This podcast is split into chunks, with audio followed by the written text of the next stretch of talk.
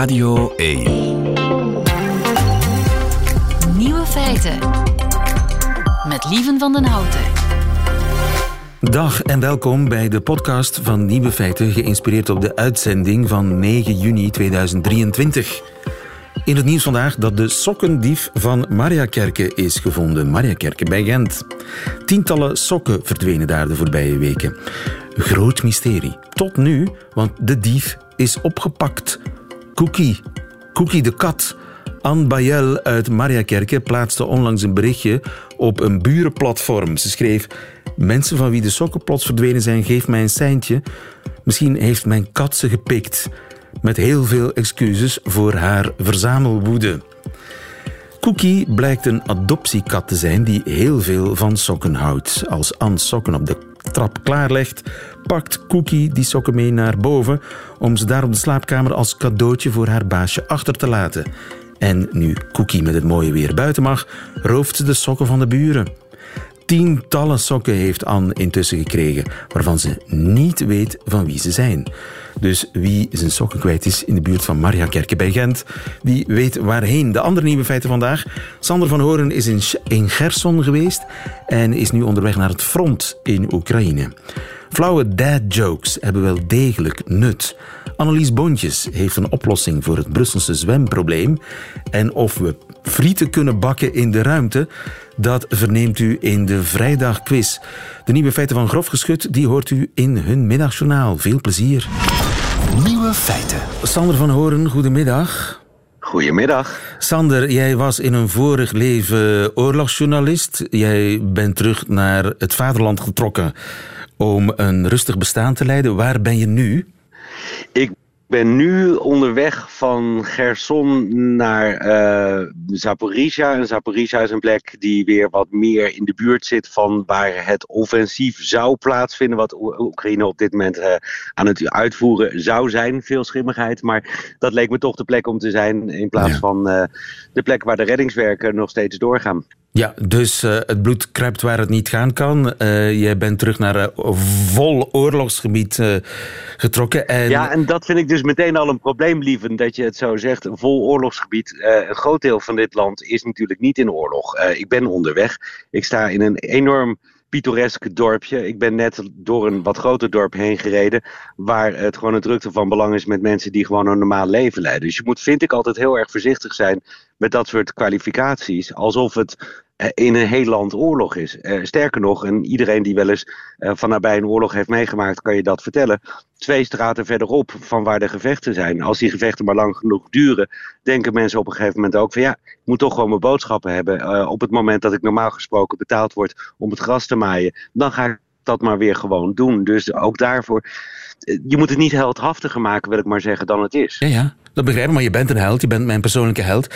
En zijn er dan geen uh, luchtalarmen en moeten mensen dan niet voortdurend naar de schuilkelder?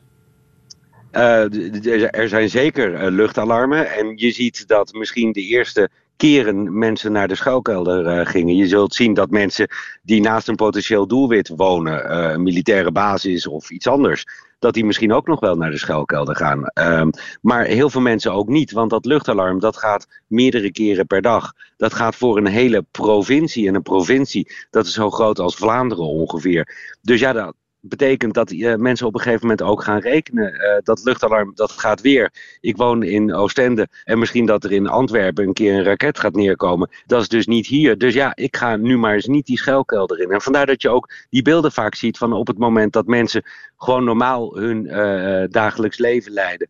Dat luchtalarm negeren en er komt toch iets dichtbij in de buurt terecht. Dat mensen in paniek ook beginnen rennen. En dat is omdat, ja, dat is een, een, een kansrekening. Maar die kans die kan dus ook verkeerd uitpakken. Het is een risico dat mensen gecalculeerd nemen. En dat risico dat verandert ook voor mensen naarmate een oorlog langer duurt. Ja, ja merkwaardig hè, wat een mens allemaal aan kan uh, in oorlogstijd. Maar jij bent uh, onderweg vanuit Gerson vertrokken nu naar Zaporizhia.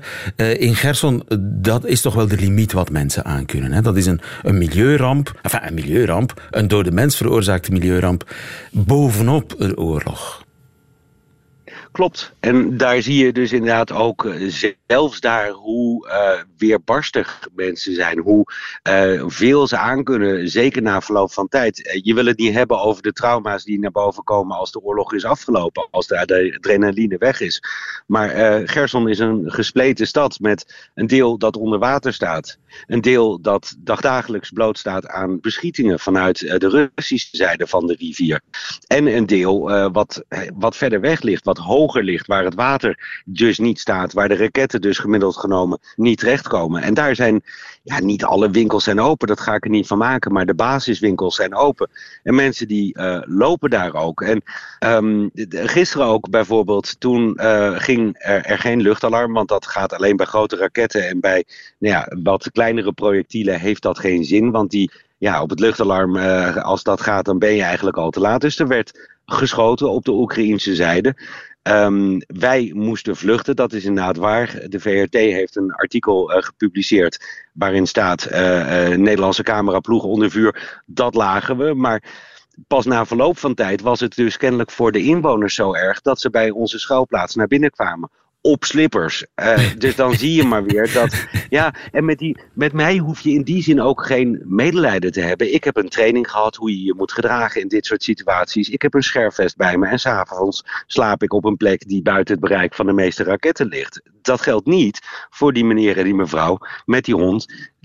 Sorry, die op hun slippers op een gegeven moment onze schuilplaats uh, binnenkwamen. Die mensen die zitten daar nog steeds. En het verhaal mag toch vooral, vind ik ook, over die mensen gaan. Nogmaals, met mij hoef je geen medelijden te hebben. Ik kies er bovendien voor om hier naartoe te gaan. Heb je enig idee hoe kwaad die mensen zijn? Ik kan me daar geen uh, idee van vormen. Die woede moet toch waanzinnig zijn? De woede op mij of de woede nee, op Rusland? Nee, nee, nee, de woede op Rusland natuurlijk de woede op Rusland is uh, enorm. Um, veel mensen hebben trouwens nog wel een wat dubbel gevoel hoor. Uh, zeker in het uh, zuiden en in het oosten van het land. Is, is de verbondenheid met Rusland, die is er gewoon. In de taal, in de cultuur. Um, maar ja, de, de, de laatste voorzichtigheid wat dat betreft is weg. Mensen zien wat Rusland doet. En zelfs de meest ja, genuanceerde Oekraïner die zal nu zeggen van ja, dit kan dus gewoon niet. Rusland was verantwoordelijk voor die dam en dus ook voor het instorten van de dam, wat dan ook uh, precies op het moment dat dat gebeurde het geval was. Um, mensen zien dat Rusland inderdaad in Gerson uh, uh, de plekken onder vuur neemt waar vluchtelingen aan land komen die gered zijn uit het water door mensen die enorm dapper de beschietingen trotseren en mensen redden op kleine bootjes. En dat die plekken waar die mensen hun werk doen en waar die mensen hun, de mensen die ze gered hebben aan land brengen, dat die plekken onder vuur genomen worden. Ja, dat zien ze. En daar is dus, de, nou ja, de woede is hier wat dat betreft uh, tastbaar. En dus, dus ook de vastbeslotenheid die dat met zich meebrengt om uiteindelijk Rusland te verdrijven uit Oekraïne. En dan niet alleen uit de gebieden uh, die nu de frontlinie zijn, nee, uit heel Oekraïne, inclusief de Krim. Ja, ik heb ook geen idee, uh, of ik kan me daar bijna geen idee van vormen hoe groot de nood is. Hè? Want ja, er zitten waarschijnlijk nog mensen te wachten om geëvacueerd te worden.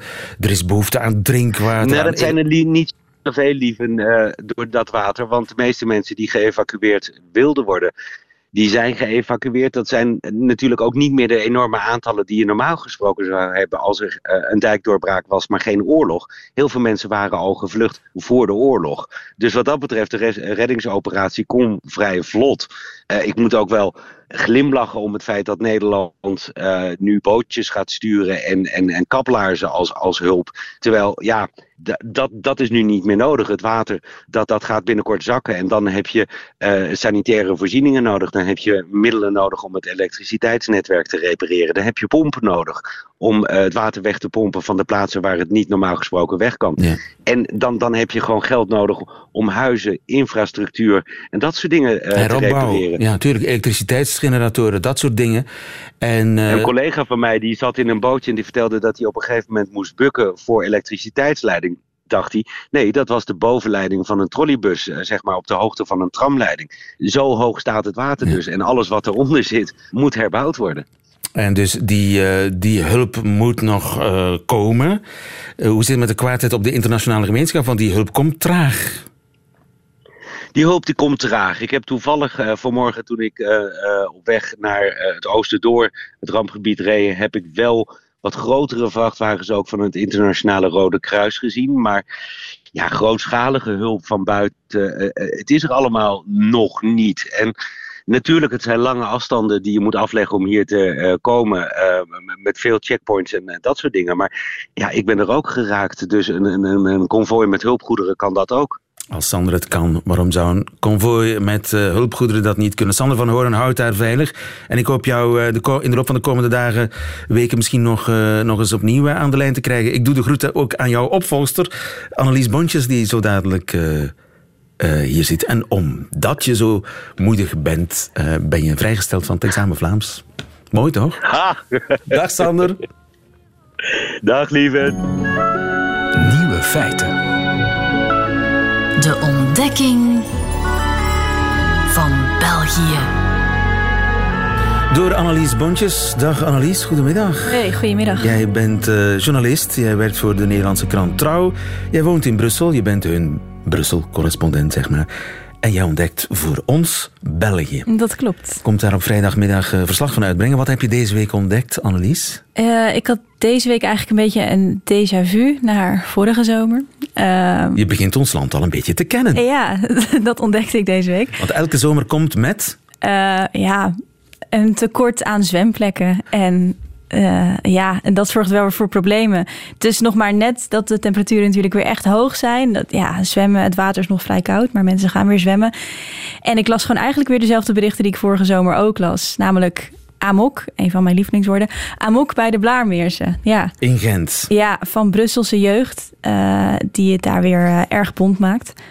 Um, en het is natuurlijk nu zo erg daar dat, er, dat je alleen maar kan zwemmen onder politiecontrole. Dat als je daar komt, dat je dan eerst je ID-kaart moet tonen. Dat er een enorme hek is geplaatst van 600.000 euro om, om dat een beetje goed te stroomlijnen. Maar ja, het probleem is natuurlijk, denk ik, niet die Brusselse jeugd die daar naartoe gaat. Maar het probleem is dat er gewoon geen water is waar ze terecht kunnen in Brussel, waar ze kunnen zwemmen. Ja. En dat was vorig jaar een probleem, maar dat is al heel lang een probleem. En dat is nog steeds een probleem. En daar snap ik gewoon echt heel weinig van. Want het wordt alleen maar warmer, klimaatverandering. Dus investeren in zwemplekken, uh, dat gaat zich echt wel uitbetalen. En toen ging ik uitzoeken waarom dat dan zo is. Want je hebt op zich wel water natuurlijk in de stad. En toen ontdekte ik een groot verschil. Um, namelijk in Nederland is het zo dat je overal mag zwemmen op eigen risico, tenzij het expliciet is aangegeven dat het niet mag. En in België mag je dus nergens zwemmen, tenzij er expliciet is aangegeven dat het wel mag. Oké. Okay. Ja. In Nederland mag je overal zwemmen. Ja, het wordt overal gedoogd. Je hebt ook officiële zwemplekken natuurlijk. Daar wordt ook echt de waterkwaliteit gecontroleerd. Maar in principe mag je overal zwemmen, tenzij er expliciet staat dat het niet mag. Mag je in de Amsterdamse grachten zwemmen?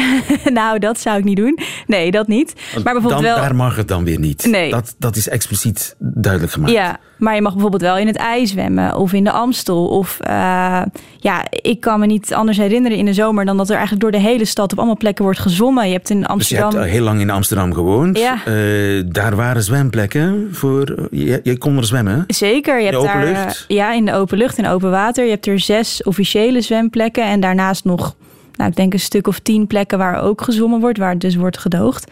Uh, is dat dan niet gevaarlijk? Want ik neem aan dat het argument is dat, uh, dat hier in België gebruikt wordt. Van ja, maar dan moeten we dat organiseren en beveiligen. Er moet bewaking zijn, enzovoort en zo verder. Ja, uh, er is natuurlijk altijd gevaar op verdrinking op dat soort plekken. Maar als je naar de cijfers kijkt, zijn die in Nederland niet uitzonderlijk veel hoger dan in België. Dus, en in andere grote steden in Europa zie je natuurlijk ook dat er gewoon gezwommen wordt. In Zwitserland en zo bijvoorbeeld. Dus er zijn genoeg voorbeelden waar het wel goed gaat. Maar en dus ben... zou er in Brussel echt uh, volle bak kunnen gezwommen worden op plekken waar water is? Nou, droom en... even met mij mee. Jij ja, kent ja. ook het kanaal van Brussel. Stel je voor dat ze dat zouden verontreinigen. Dat ze een stuk daarvan... Reinigen, je bedoelt uh, niet Re... verontreinigen, maar verontreinigen is vervuilen, hè? Ja. Of... of Ont... Ja? Verontreinigen? We zitten wel plots al in het examen Vlaams, maar verontreinigen. Oké, okay, schoonmaken zou schoonmaken. ik zo zeggen. Ja. En dat dat dan een enorm groot zwembad wordt voor allemaal mensen die daar kunnen zwemmen. Ja, dat zou toch waanzinnig zijn. Dat is eigenlijk het, het nou ja, ik wil niet zeggen het enige, maar een van de weinige dingen die je echt mist in Brussel. Um, ja, dat is gewoon een beetje jammer. Maar er zit misschien verandering aan te komen, want op het Vlaamse niveau verschuift er wel iets. Um, die hebben onlangs namelijk um, hierover gedebatteerd. En uh, Zoal Demir, die, het valt onder haar portefeuille, die heeft gezegd dat ze de regels wil veranderen, waardoor het makkelijker wordt om open, om open water als zwemplek aan te duiden. dus ik hoop dat de Brusselse regering ook oplet en dat dat misschien hier ook gaat gebeuren. Ja, een, een duwtje in de rug krijgen ze van Annelies Bontjes.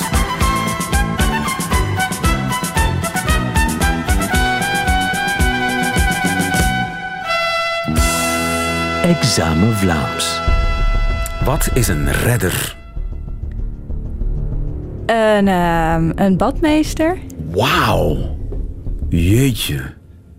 Jeetje, ik ben, ik ben van slag dat je dit... Dat je, je een badmeester je, inderdaad, is een redder.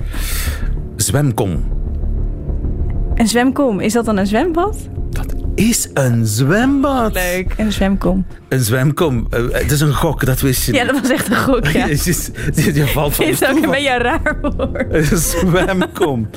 Dan zeg je toch niet, ik ga naar de zwemkom? Nee, dat Ga naar de zwemkom, absoluut. Ja, jawel? Ja? Ik zag je nog in de zwemkom. Oké. Wat is een ballenknijper? Ah ja, dat is een speedo uh, zwembroekje. Kan ik het moeilijk maken? Kan ik het moeilijk maken? Baksteenslag. Nee, ah, maar nu zie je gewoon woorden te verzinnen. Dat mag natuurlijk niet. Nee. Baksteenslag, is dat iets wat je in het water doet? Is dat of mensen die heel slecht kunnen zwemmen of zo misschien? Dat het er niet uitziet, zoiets? Ja, het zijn nog goed ook, hè? Ja? Het zijn een soort fictieve zwemslag. Uh, om aan te geven dat iemand niet kan zwemmen. Ik, ik zwem alleen baksteenslag. Als je zegt, wat doe jij? Schoolslag? Uh, crawl? Nee, ik doe... Uh, in de zwemkom, baksteenslag. baksteenslag ja. in de okay. zwemkom. Zwembrevet? Ja, zwemdiploma. Ik geef het op. Yes. Je bent te goed. Nieuwe feiten. Radio 1. Welk hondenras eet geen vlees? Een vegetariër. Inderdaad. Nog een mop. Ik lust zowel frikadellen als kroketten. Wat ben ik? Een bisnaxueel. En het leeft onder de grond en het helpt tegen koppijn. Kent u die? Het leeft onder de grond en het helpt tegen koppijn. Paracetamol. Zondag vieren we vader. Liefst zonder vadermoppen, wat mij betreft. Maar eh, kennelijk vergis ik mij. Bert Oben, goedemiddag. Een heel goede middag. Je bent taalkundige van de Universiteit van Leuven, gespecialiseerd in humor. Dat klopt. Eh, niets is zo pijnlijk als een flauwe vadermop. Een dad joke, zoals de Engelsen zeggen. Een papgrap. Maar uh, zet ze niet zomaar weg, want ze vervult een belangrijke opvoedkundige functie, zegt een Deense wetenschapper. Ja. Uh, Heeft hij gelijk? Ik denk, ik denk dat die Deense wetenschapper uh, zeker wel gelijk heeft. Uh, het is natuurlijk van zo'n dad joke een beetje de bedoeling dat hij flauw en, en stom is. Het hoeft niet meteen de beste mop te zijn, want het gaat er net om dat die vader zich als dommerik of als onnozelaar uh, voorstelt. En dat, is een deel, ah. dat is een deel van de grap, of een deel van de reden waarom dat het iets oplevert uh, voor het kind. Oké, maar laten we eerst eens een vadermop definiëren. Wat is een vadermop? Dat is meestal een woordspeling, hè, toch? Het is inderdaad meestal een woordspeling. En dat heeft ermee te maken dat dat net een heel onschuldig type van humor is. Schoffeert niemand? Bij, het schoffeert heel weinig, inderdaad. Hij kan er weinig kwaad mee. Um, de meeste uh, humor, of eigenlijk alle humor, is een vorm van, zou je kunnen zeggen, benign violation. Dus een goedaardige schending van een regel. En bij een dad joke ga je alleen een taalkundige regel schenden. En je gaat spelen met uh, de verwachting van een woord of een, uh, een rare constructie. En dat is heel onschuldig, dat is heel benign, dat is heel goedaardig. Ja, en daarom is het eigenlijk provocerend slecht. Um, en dat is een van de redenen waarom dat het slecht kan zijn, inderdaad. Want het moet wel nog altijd een violation zijn. En daar wringt het schoentje bij de dad jokes. Die zijn vaak te voor de hand liggend. Er is een, een te kleine afstand tussen Um, ja, wat je in humor altijd doet, dat is eigenlijk twee betekenissen tegelijkertijd activeren. En um, ja, je moet ergens een sweet spot proberen te, te raken. Ja. En dat het net innovatief genoeg is, um, maar dat, daar zit net het probleem bij die dad jokes. Dat die afstand tussen die twee betekenissen misschien net te klein is. Ja, en, en daardoor een beetje saai. En dan is de mop gewoon onbestaande. Dan is het eigenlijk geen mop meer, bijna. Ja, dan zit het zo net op het randje. Je ziet het mechanisme van de mop nog wel en je hebt door dat het niet echt een goede mop is, maar je herkent het nog wel altijd als een mop. En dat is natuurlijk de hele point van die vader. Hè. Die, die weet ook wel dat het geen geweldige mop is, maar die weet dat hij uh, het kind daarmee een beetje kan plagen. Ja, zeker als er andere vriendjes nog in de buurt zijn, ja, dan is een dad joke uh, al helemaal interessant om te maken voor zo'n vader. Ja, want dat, dat kind schaamt zich vervolgens een klein beetje voor zijn vader. Is dat het idee? Ja. Inderdaad, inderdaad. En, en um, wat is daarvan het pedagogisch nut dan? Dat is me nog niet helemaal duidelijk. Uh, wel, het kan helpen om uh, te, te relativeren. Ja? Om jezelf kwetsbaar of wat onnozel of dwaas uh, neer te zetten. Dat is oké. Okay. Dat kan. Dat mag af en toe. En dus kan... moeders doen dat niet? Um, ja, moeders lijken dat inderdaad minder te doen. Ik ben zeker geen uh, socioloog of uh, gender-expert of zo. Um, maar over het algemeen zijn uh, mannen wel iets agressiever, iets meer handje de voorste in, in humor. Uh, het komt, uh, en dat zegt die, die, wetenschapper ook, overeen met het uh, wat agressiever spelen ook, dat mannen vaker doen met kinderen. Hè. Dus echt rollenbollen en kietelen en duwen en trekken. Wel, dit type van humor is ja, een beetje analoog daarmee. Ja, vaders plagen graag, moeders doen dat minder. En het is natuurlijk ook taalkundig interessant. Zo'n kind leert dan dat iets twee betekenissen kan hebben. Uh, ja, absoluut. Taalkundig en dus ja, uh, cognitief, zeg maar. Hè. Je legt een puzzeltje klaar voor dat kind. En die puzzel is behoorlijk complex, ondanks het feit dat um, de taalmop misschien niet zo moeilijk is. Je moet wel doorhebben dat je vader doorheeft dat hij weet dat het geen goede mop is. Um, maar dat hij een spelletje aan het spelen is. dus die, dat vervult ook nog eens een sociale uh, functie. Hè? Dat je doorhebt dat iemand een spel aan het spelen is. Dat je doorhebt dat er twee betekenissen tegelijkertijd uh, geactiveerd kunnen worden. Dus inderdaad, het heeft, uh, het heeft op dat vlak zeker ook zijn nut. Ja, meer dan één dubbele bodem, zo te horen. Uh, dus uh, ik heb de Windows laten openstaan. Uh, mijn computer heeft kou gevat. Dat soort humor. Dat heeft wel degelijk nut. En vandaar ook het succes ervan. Hè? Want als je. er zijn sites voor over dad jokes. Die zijn gigantisch populair. Hè? Uh, ja, het is op zich een, een genre geworden ondertussen. Hè. Um, waar je, um, ja, je, je kan inschrijven of je dan ook weer net tegen, tegen afzetten. Nu, ik moet wel zeggen, in het, um, het onderzoek dat wij zelf doen, we gaan op zoek naar welk type van humor gebruiken mensen als ze spontane gesprekken hebben met elkaar. Dan stellen we wel heel weinig van dit soort van ja, canned jokes. Hè. Echt, echte moppen, echte grappen op, uh, van die mini-verhaaltjes. Dat komt eigenlijk bijna nauwelijks nog voor. Um, nu, we hebben wel niet zoveel data over uh, dad jokes. Um, dus ik kan alleen maar naar mijn eigen praktijk of zo kijken. Voor wat het waard is. Uh, de dad jokes die ik maak zijn um, vooral woordspelingen die zich op het moment zelf voordoen. En minder dat soort van prefab verhaaltjes in, in, in, die canned jokes. Wat is de beste dad joke die jij kent? Goh, uh, dat is een hele risicovolle. Ik, ik, ik, ik, ik, kan, ik kan alleen... Ik hou mij vast. Putten. Het, het, het, is trouwens niet de point van een dad joke om goed te zijn. Hè. Dat heb je uh, net omstandig ik, uitgelegd. ja, uh, maar ik ga putten uit mijn, uh, mijn eigen ervaring ook. en het is een, een, een dad joke die zich spontaan aandient en die ik ook vaak herhaal. Dat is ook ja. een van de. Ik hoop dat ze heel slecht is, Bert. Het valt nogal mee. um, ik, heb dus, ik heb dus twee kinderen die, hebben, uh, die, die spelen heel wild en hebben dus vaak uh, dingen die kapot zijn. Kapotte kleren, weet ik veel. Komt mijn dochter naar mij toe en zegt ze: ah, Papa, ik heb een gat in mijn kous. Dan is mijn standaard repliek wel: Beter een gat in je kous dan een kous in je gat. Wauw! Bert Oben, dankjewel en nog een fijne dag. Prima, tot ziens.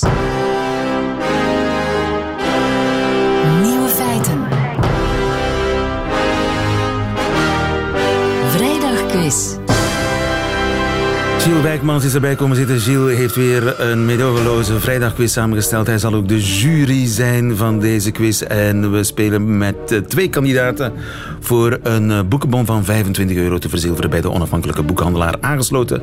Bij Confituur, de federatie daarvan. Kandidaat 1 is Anne-Sophie. Goedemiddag, Anne-Sophie. Oei. Hallo? Anne-Sophie, je staat in een soort storm. Of niet? Oei. Ja, ik hoorde wat Eh. wind blazen in je telefoontje. Ik zit in de tuin, maar ik zal naar binnen gaan. Ja, dat is misschien een goed idee. Toch, Hoe mooi het weer Ja. ook is. In, eh, waar, waar woon je? In Gent? In Zwalm. In Zwalm. Prachtig. Ja, inderdaad. Daar wil je Ja, wonen met dit weer. En is het Munkswalm of Nederzwalm? Eh, Sint Maria Latem. Sint Maria Latem, je hebt ook Pollatem, hè? En Roosbeke. Ah, ja, ja, inderdaad. Nee? Ja, ja, ja. Ja, ja, ja. En Sint Amai, Blasius ik ben Boekel. geen kenner. In, Zwa Ja, ja, in, ja, ja, ja. Zwalm. Ja. Goed, eh, ik, kan, ik kan me niet eh, vragen wat je voor de rest gaat doen in Zwalm vandaag. Dat lijkt me voor de hand te liggen in de tuin zitten. Je speelt tegen Christophe uit Oostende. Goedemiddag, Christophe. Ja, goedemiddag. Waar was jij mee bezig? Ik was rustig op mijn terras een eh, beetje aan het relaxen na een drukke dag gisteren waar ik voor een goed doel een dag gewerkt heb. Wauw. En zicht op zee, Christophe? Ehm, ik had zicht op zee, maar ik ben een tijdje geleden verhuisd en ik heb het zeezicht jammer genoeg ingeruild. Ach ja, dan heb je weer iets anders in de plaats hè, om op te kijken. ja. Niet de hele leven naar de zee zitten turen. Goed, eh, Christophe en Anne-Sophie, eh, jullie gaan spelen. Ik begin bij Anne-Sophie, die zich eerst heeft gemeld. Zolang ze aan eh, het juiste antwoord heeft, blijft ze aan de beurt. Bij een fout antwoord gaat de beurt naar Christophe. En wie het laatste nieuwe feit goed kent, die wint deze quiz. Wat kunnen we volgens nieuw onderzoek in de ruimte doen, Anne-Sophie? Is dat A. Een afwasmachine laten draaien? B. Frituren? C. Stofzuigen? Eh, ik ga voor C, stofzuigen. Stofzuigen. Fout! Nee, lukt niet in de ruimte, maar wat lukt wel volgens het nieuwe onderzoek? Frituren of de afwasmachine laten draaien? Christophe? Ik zou de afwasmachine laten draaien. Ah, spannend! Ja! Nee. Frituren. Frituren. Inderdaad. Oh, mooi. Ja, inderdaad, amai. Ehm, dat was heel lang onzeker of we dat wel konden doen. Want wanneer je een aardappel in frituurvet gooit, dan komen er bubbels naar boven. En dat is dankzij de zwaartekracht, want de zwaartekracht trekt de olie naar beneden. En de onderzoekers dachten van ja, als wij in gewichtsloze toestand een aardappel in, de, in het frituurvet gooien, die bubbels, die stoom die ontsnapt uit die aardappel, die gaat zich rond de aardappel verzamelen, waardoor de hete olie nooit in contact kan komen met de aardappel en die aardappel dus niet krokant frituurt.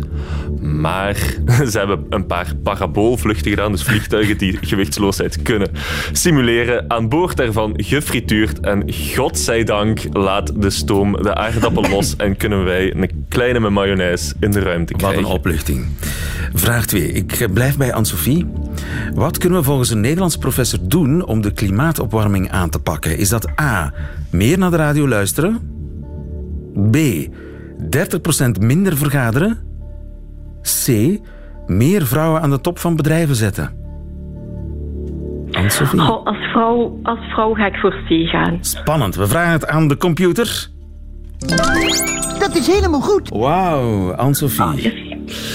De onderzoeker in kwestie, Cosmina Voinea van de Open Universiteit in Nederland, die heeft verschillende onderzoeken gedaan naar management en duurzaamheid. En er komt stevast uit dat wanneer er meer vrouwen aan de bedrijfstop staan, die bedrijven vaak opener en eh, meer met duurzaamheid bezig zijn. Ondanks de, de wetgeving als daarvoor gecorrigeerd wordt in het onderzoek, al zijn er natuurlijk ook culturele verschillen die meespelen, maar toch. Ja, Vrouwen, Vrouwen aan de top. En het klimaatprobleem is eh, al een stuk dichter bij de oplossing. Anne-Sophie, dat had je goed, dus ik blijf bij jou voor vraag 3. Een nieuw onderzoek maakt maandagen nog verschrikkelijker dan ze al waren. Want wat hebben de onderzoekers ontdekt? A. Het aantal dodelijke hartaanvallen piekt op maandagen. B. Meldingen van verkeersagressie zijn het hoogst op maandagen. C. De meeste echtscheidingen worden op maandag aangevraagd. Anne-Sophie, wat denk je? Eh, ik twijfel tussen A en C. Dat begrijp ik. Ehm, maar ik ga voor A. Je gaat voor A. Dat is helemaal goed. Oh. Wauw, Gilles. Hartaanvallen pieken op maandagen. Ja, met 13% hoger dan de rest van de week. Uh, hoe dat, dat komt, dat weten ze niet precies. Maar de onderzoekers vermoeden wel dat het te maken heeft met uh, je biologische klok. En het feit dat die in het weekend helemaal anders is dan op maandag. En dat dat uh, een hartaanval zou kunnen uitlokken. Maandag hartaanvaldag. Ach, vogeltjes. Ja, daar krijg je geen hartaanval meer met die achtergrondgeluiden. Vogeltjes en zo. Oh, ik, zit, ik, zit, ik zie het zo voor mij. Het zacht glooiende landschap. Ik heb geen idee waar dit ligt trouwens. Oh, dan ben je toch een Limburger.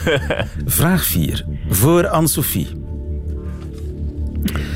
De website hotels.com vroeg aan verschillende hotels naar de raarste roomservice verzoeken. Welk verzoek hebben we zelf verzonnen en staat dus niet in die lijst? A. Light water. B. Een omelet zonder eiwit. C. Pikant ijs. Welk absurd verzoek is niet gedaan? Dat hebben we zelf verzonnen. A, B of C? Anne-Sophie. Uh, dat is moeilijk. Uh, ik ga voor A. Je gaat voor A. Spannend. Oh. Had je die vraag juist gehad, dan uh, had je de boekenbon gewonnen. Maar zo gaat het spel. Uh, Christophe krijgt nog een kans. Ja, en het wordt ook gokken. Uh, ik ga voor B. Je gaat voor B?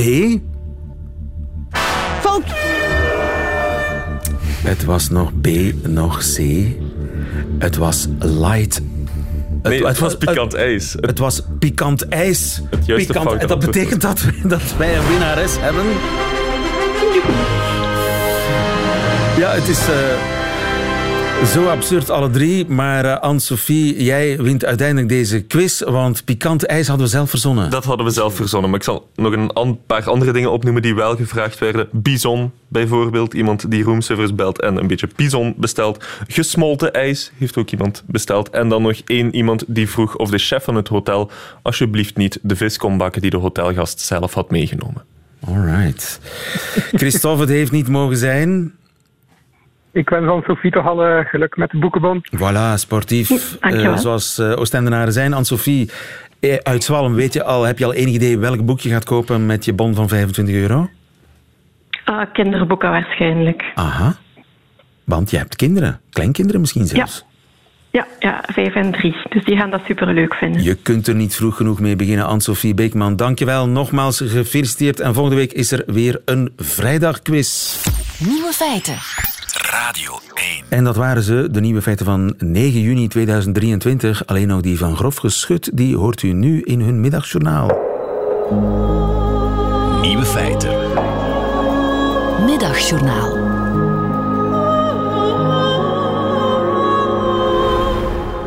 Beste luisteraar. Mijn geadopteerde oma is jarig vandaag. Ja, Mirte heeft tijdens de eerste coronalockdown een oma geadopteerd. Nelly, 89 lentes jong uit Leeuwarden.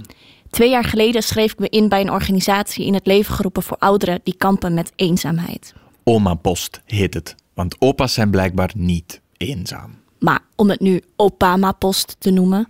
Ja, raak je toch in de war? Schrijf ik naar een eenzame oudere of correspondeer ik met Barack Obama?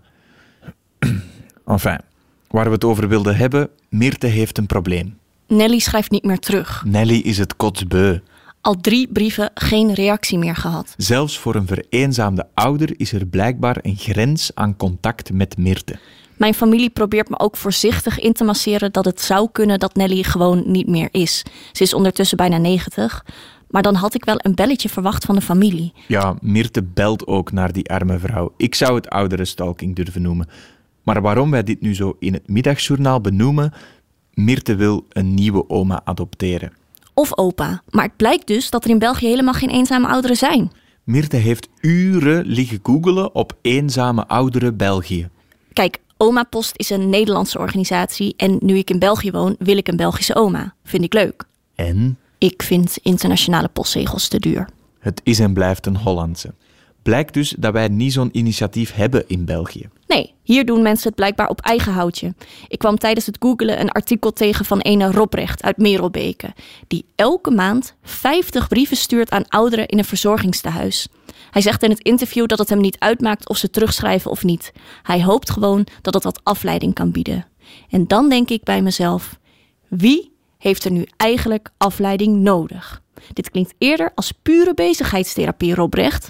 Als het je al geen reet interesseert of ze terugschrijven of niet, voor wie schrijf jij dan eigenlijk die hele epistels? Ja, dat is toch net heel altruïstisch? Nee, het boeit hem dus niet of er iemand terugschrijft of niet. Ja, dat is toch de definitie van altruïsme? Wat heb je trouwens deze week tegen mensen die zonder tegenprestatie iets voor de samenleving willen doen? Ja, prima dat je dat doet, maar dan moet je toch niet meteen de krant bellen? Ah ja, het is niet dat jij ene keer een brief stuurt naar een of andere bejaarde en dat dat dan meteen op nationale radio... Ik heb dit even nodig, Lander, want ik wil echt graag een nieuwe oma of opa adopteren. En ik denk dat de gemiddelde Radio 1-luisteraar wel een bejaarde of twee kent of er zelf één is. Dus, beste luisteraar, naar goede gewoonte eindigen we deze week met een oproep. Kent u een 70-plusser die wel een kaartje kan gebruiken? Of voelt u zichzelf aangesproken? Mail naar mail.grofgeschut.eu. En wie weet worden we penvrienden. En als er totaal geen reactie komt, ga ik heel hard proberen dat niet persoonlijk te nemen. Tot de volgende.